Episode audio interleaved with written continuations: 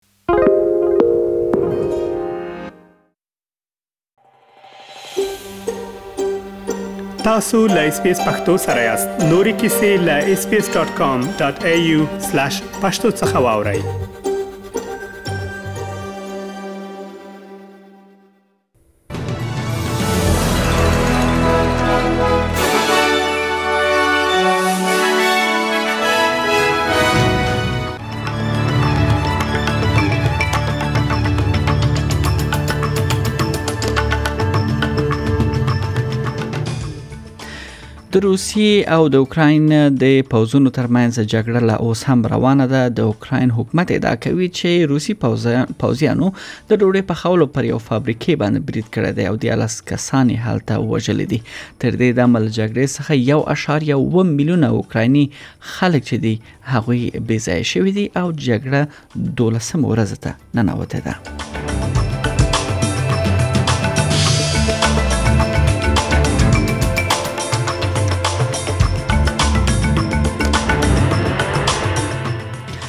استرالیا په پام کې لري د روسیې ضد نوي بندیزونه ولګوي او هم هغه کسان په نخښه کړی چې اوکراین د اشغال په اړه پروپاګاندا او یا ناسم معلومات خبروي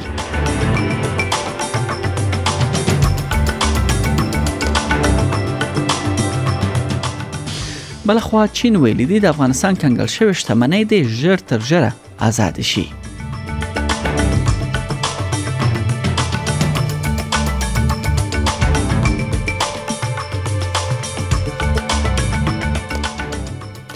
او سیدنی ښار هم د ورښتونو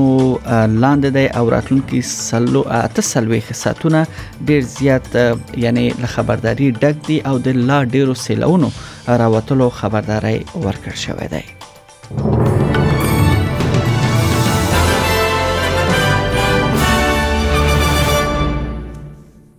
دا هم بشپړ خبرونه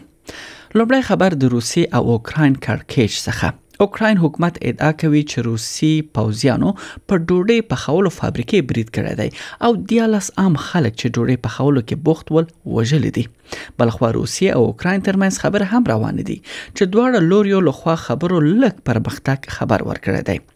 تر دې دمه له جګړې څخه یعنی یو اشاریه و میلیونه کسان بې ځایه شوي دي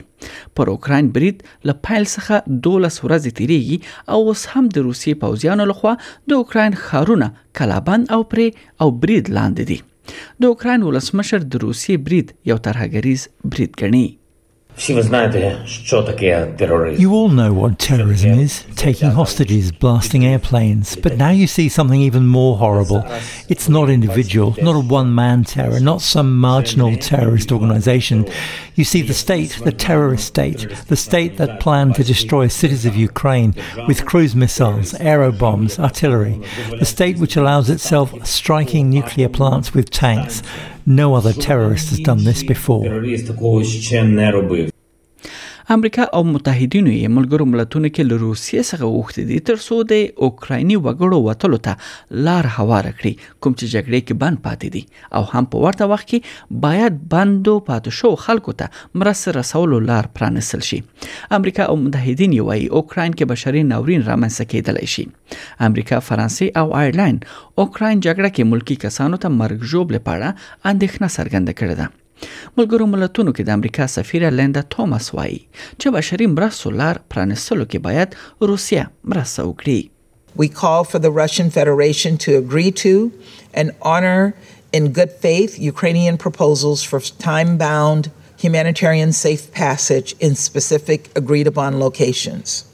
We call for the establishment of a ground level notification system that will facilitate the safe movement of humanitarian convoys and flights. This is imperative for ensuring humanitarian supplies and commodities can be reliably transported into Ukraine to reach those most in need. استرالیا به د روسیې پر ضد نوي بندیزونه ولګوي او هم هغه کسان په نخښه کوي چې اوکراین د اشغال په اړه پروپاګاند او یا ناسم معلومات خپروي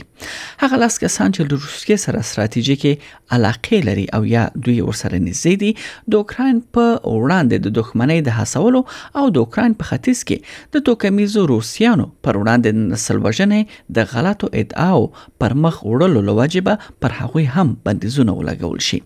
د استرالیا د بهرنیو چارو وزارت وایي د روسیې پر وسلوالو ځواکونو به نور مالی بندیزونه هم ولګول شي او پر شپږو جګپړو پوځي قومندانانو چې په اوکراین کې د بریدونو مسول دي پر هغوی هم بندیزونه لګول کیږي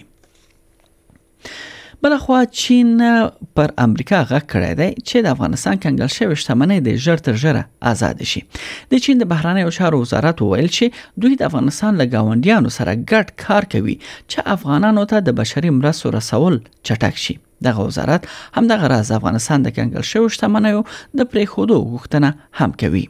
د چین د بهرنیو چارو وزیر وانګ یعنی د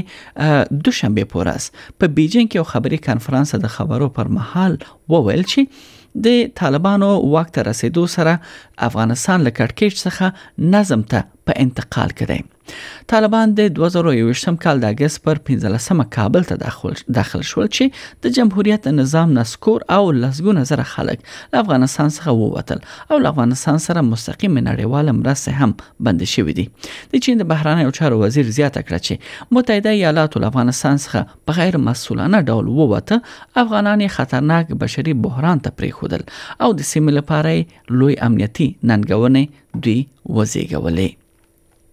بل خبر هم له افغانستان څخه دی د بشري حقوقو د سر ټولنه وایي چې د طالبانو حکومت په ولایتونو او لسوالیو کې د رسنیو پر وړاندې په پراخه کچه تاوتریخوالی کوي او د هغوی پر کارونو یې بندیزونه لګولې دي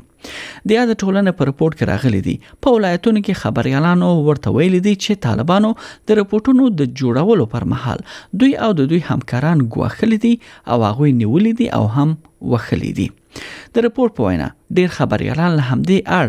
یا له همدې وجې دوی اړ شوي دي چې یوازې د طالبانو د خبرپاڼو او رسمي غونډو لمخې دوی خبرونه جوړ کړي د بشري حقوقو د سار ټولنه وایي چې خزینه خبريالان تر ټولو سخت یعنی یعنی سختیو سره دوی مخامخ دي بل خبر د ایران او د امریکا په اړه باندې ده ایران او متحده ایالات باید د 2015 کال د اټومي موافقې د بیا ژوندۍ کولو په اړه د غیر مستقیم خبرو د ناکامۍ د مخنیوي لپاره سیاسي پریکړه وکړي دا د یو لس میاشتو خبرو اترو او همدارنګه د روسي روسي غوښتنه ورسته چې پر ایران د بندیزونو لری کولو غوښتنه شوې ده مطرح شوې دي د اروپایي اتحادیې لوړپوړي استازي او د خبرو همغږي کوونکی انریک مورا یو ټویټ وکړ چې د کارپوهانو په کچه یعنی خبرې نور ګټور نه دي او د لویو سیاسي پریکړو وخت دی د ټویټر پوسټ په داسې حال کې راځي چې د ایران مشر مذاکره کوونکی علي باقری کنی د دوشنبه پورز تهران ته د سلام مشورې او په ویانا کې د خبرو اترو لپاره روان شوی دی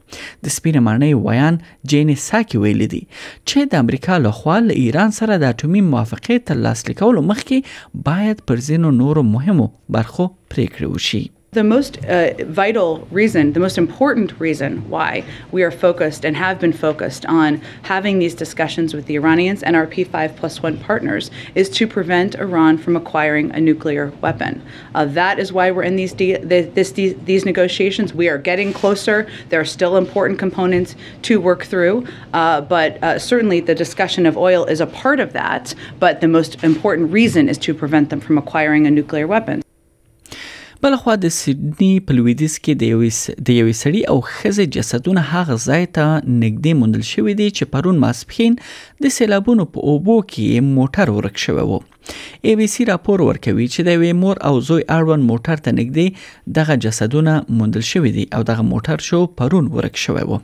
د هوا پیژندنې ادارې څخه ډین نارا مور په راتلونکو اته څلوېښت ساعتونو کې د لا زیاتو سیلابونو خبرداری ورکوي د ختیځ ساحل ټیټ اټکل د لوی سیدني او شاوخوا سیمو کې د پام وړ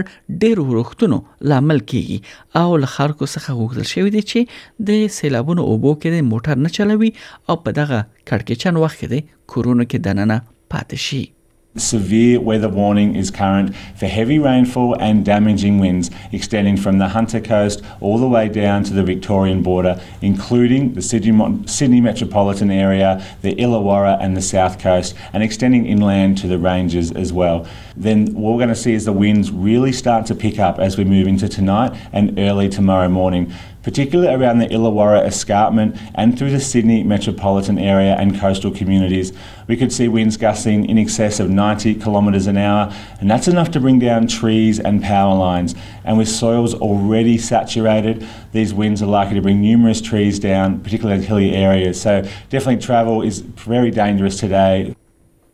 د کوینزلند ایالت مشره انستیجه پلشې وایي د دغه ایالت د سیلاب ځپلو سیمو پاکولو او بیا رغونې په برخه کې د مرستې لپاره یو پوځي پلاوی ټاکل شوی دی د سویل ختیځ کوینزلند د سیلاب لامل د مړو شمیره تر دې مهاله 14 کسانو ته لوړه شوې ده او روسي کس جسد چې ډیر ښکاله عمر درلود د دوشنبه ماسپښین په کانډامن سین کې د سیلا په اوبو کې په یو موټر کې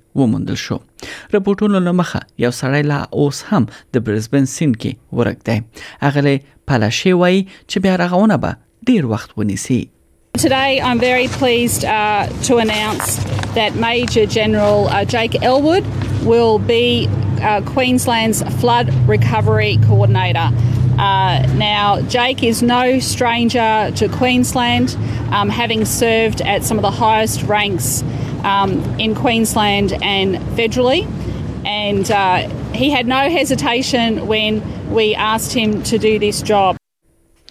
او وروستی خبر دا دی چې یوې نوې څېړنې تایید کړې ده چې د نړیوال ستر استعفا پدیده استرالیا ته رسیدلې ده لوی استعفا ډیرو کارمندانو ته اشاره کوي چې خپل کارونه په ډلهییزه توګه پرېږدي او کرونا وبا وروسته دا کار لیدل شوې ده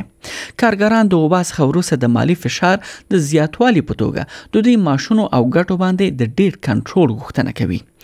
د ارنست او ینګ فلر لخوا سړنه ښایي چې د هیواد کاري ځواک محدود مالی پالیسی لري او په ورته وخت کې د پام وړ کاري ځواک بدلونونه روان دي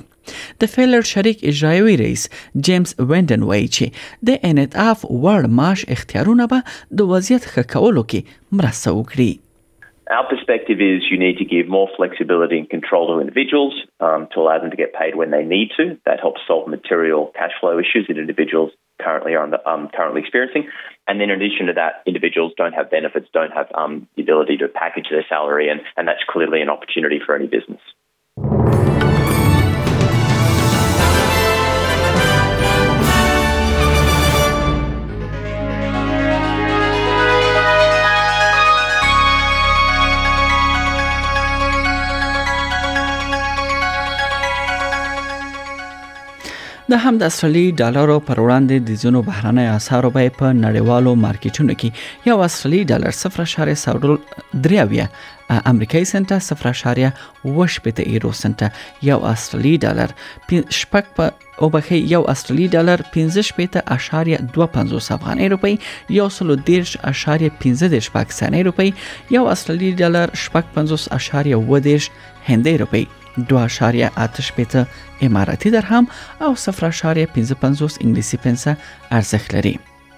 د هم د استرالیا د ځینو ښارونو نن لپاره د تودوخه تر ټولو لوړه درجه هغه هم د سانتیګریډ په کچه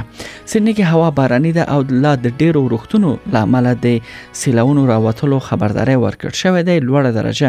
د 20 سانتیګریډ اټکل شوې ده په ملبن کې اسمان برګ دی 22 په برزبن کې هوا باراني ده سلور دیش په پرت کې هوا لمریزه پنځه دېرش په اډلېټ کې اسمان اسمان برګ دی سلیریش په هوبرټ کې اسمان برګ ولس په کمبيرا کې د باران اټکل دی یویش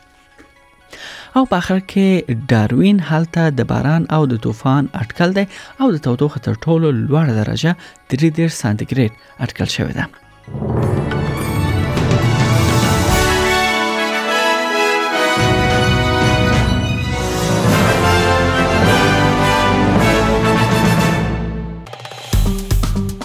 اس پی اس پختو په فیسبوک کې تا کې پلی مطلب یو فاک کړئ نظر ور کړئ او له نورو سره شریک کړئ